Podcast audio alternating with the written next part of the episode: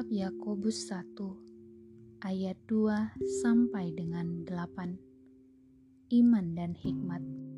Ayat 2.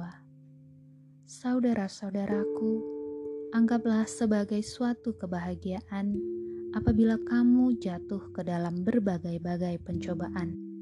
Ayat 3. Sebab kamu tahu bahwa ujian terhadap imanmu itu menghasilkan ketekunan ayat 4 Dan biarkanlah ketekunan itu memperoleh buah yang matang supaya kamu menjadi sempurna dan utuh dan tak kekurangan sesuatu apa pun.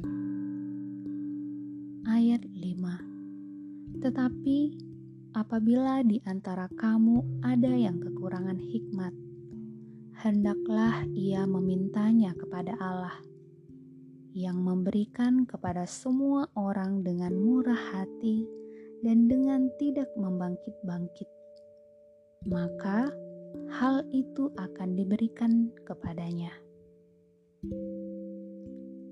Ayat 6 Hendaklah ia memintanya dengan iman dan sama sekali jangan bimbang, sebab orang yang bimbang sama dengan gelombang laut yang diombang-ambingkan kian kemari oleh angin.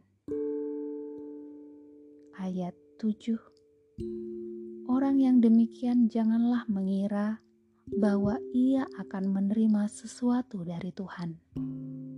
Ayat 8 Sebab orang yang mendua hati tidak akan tenang dalam hidupnya. Demikianlah sabda Tuhan. Syukur kepada Allah.